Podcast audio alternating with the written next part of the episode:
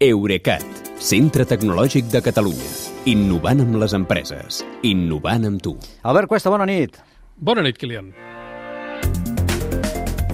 Ara mateix parlarem de diners i Elon Musk i allò que no m'agrada ho compro, però ara parlem d'uns altres diners. Quina mena de xips es faran amb aquests 11.000 milions que Pedro Sánchez ha promès avui? Uh, està per veure. Semblen molts diners, però és que una fàbrica de xips avançats costa gairebé el doble. El doble? Manera, el doble, sí. Això és la, les que estan muntant ara costen cap a 20.000 milions. Ja. Uh, de manera que, en aquest cas, si s'ha de fer alguna cosa grossa, haurien d'invertir conjuntament amb un privat de fora. Però Intel ja ha dit que la seva fàbrica la posarà a Alemanya. Aleshores, ens queden Samsung i TSMC, que fins ara no han mencionat Espanya amb cap dels seus plans. Però t'he de dir que també seria una bona idea aspirar a una fàbrica de xips menys sofisticats, que en realitat són els que necessiten indústries europees com l'automoció. Haurem de veure com ho concreta això el govern Sánchez, però posar en marxa una planta d'aquestes triga 3 o 4 anys, eh? Per tant, són moltes incògnites juntes, veig aquí, eh? Que s'hauran d'anar despejant. Sí, sí, sí, si és possible de fer-ho, sí. Uh, més coses, va.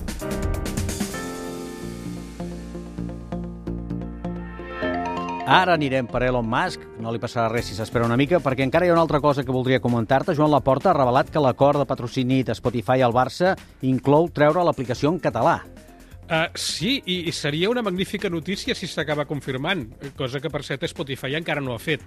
Uh, sigui com sigui, el Barça amb això fa honor als seus principis, perquè cal no oblidar que el club és una de les 10 entitats que formen la, el patronat de la Fundació .cat, que té com a objectiu promoure la presència del català en el món digital i forçar que l'aplicació d'àudio més popular es pugui fer servir amb la nostra llengua segur que hi ajuda. Segur, segur. Però, a més, hi ha un precedent on tu vas participar, eh? Sí, eh, justament aquest any em fa Déu que Twitter va permetre que una colla de voluntaris traduíssim les seves aplicacions al català, les de Twitter.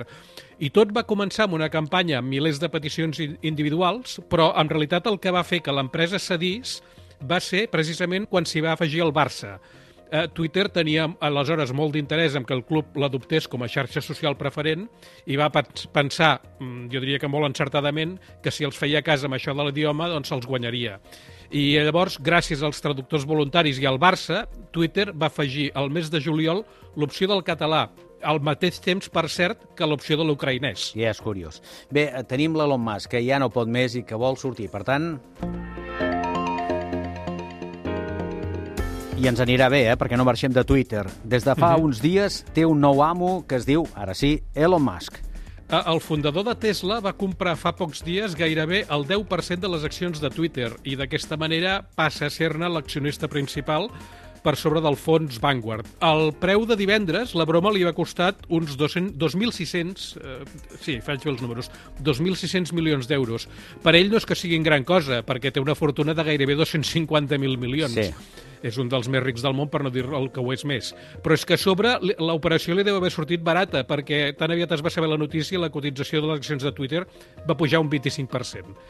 Uh, ara el que haurem de veure és quina serà la intervenció de Musk amb, amb el funcionament de Twitter. Perquè, perquè no n'estava no, content, oi? Gens. Mm. Fins al punt de que fa unes setmanes va demanar als seus 80 milions de seguidors si creien que calia crear una plataforma nova que respectés la llibertat d'expressió més del que ho fa Twitter. Uh, I, per tant, tot apunta que en comptes de fer això ha decidit influir en el Twitter que ja existeix. Uh, a diferència, per cert, de Donald Trump, que quan les plataformes el van expulsar en va crear un altre, que n'hem parlat, es diu Truth Social, sí. que no acaba de quallar fins al punt de que a sobre aquests, aquests dies li acaben de marxar dos dels directius principals. Doncs mira, qui sembla més descontent en Twitter, probablement més que ningú, més que encara que, que Elon Musk, és el seu, el seu propi creador. Sí, Jack Dorsey. Uh, Jack Dorsey continua com a accionista, però fa pocs mesos va deixar el càrrec de conseller delegat i aquest cap de setmana s'ha sincerat.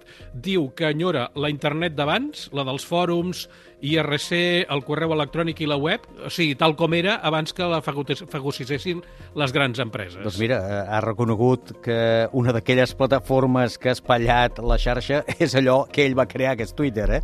Sí, això, aquesta, això se li ha de reconèixer que ha tingut aquesta decència.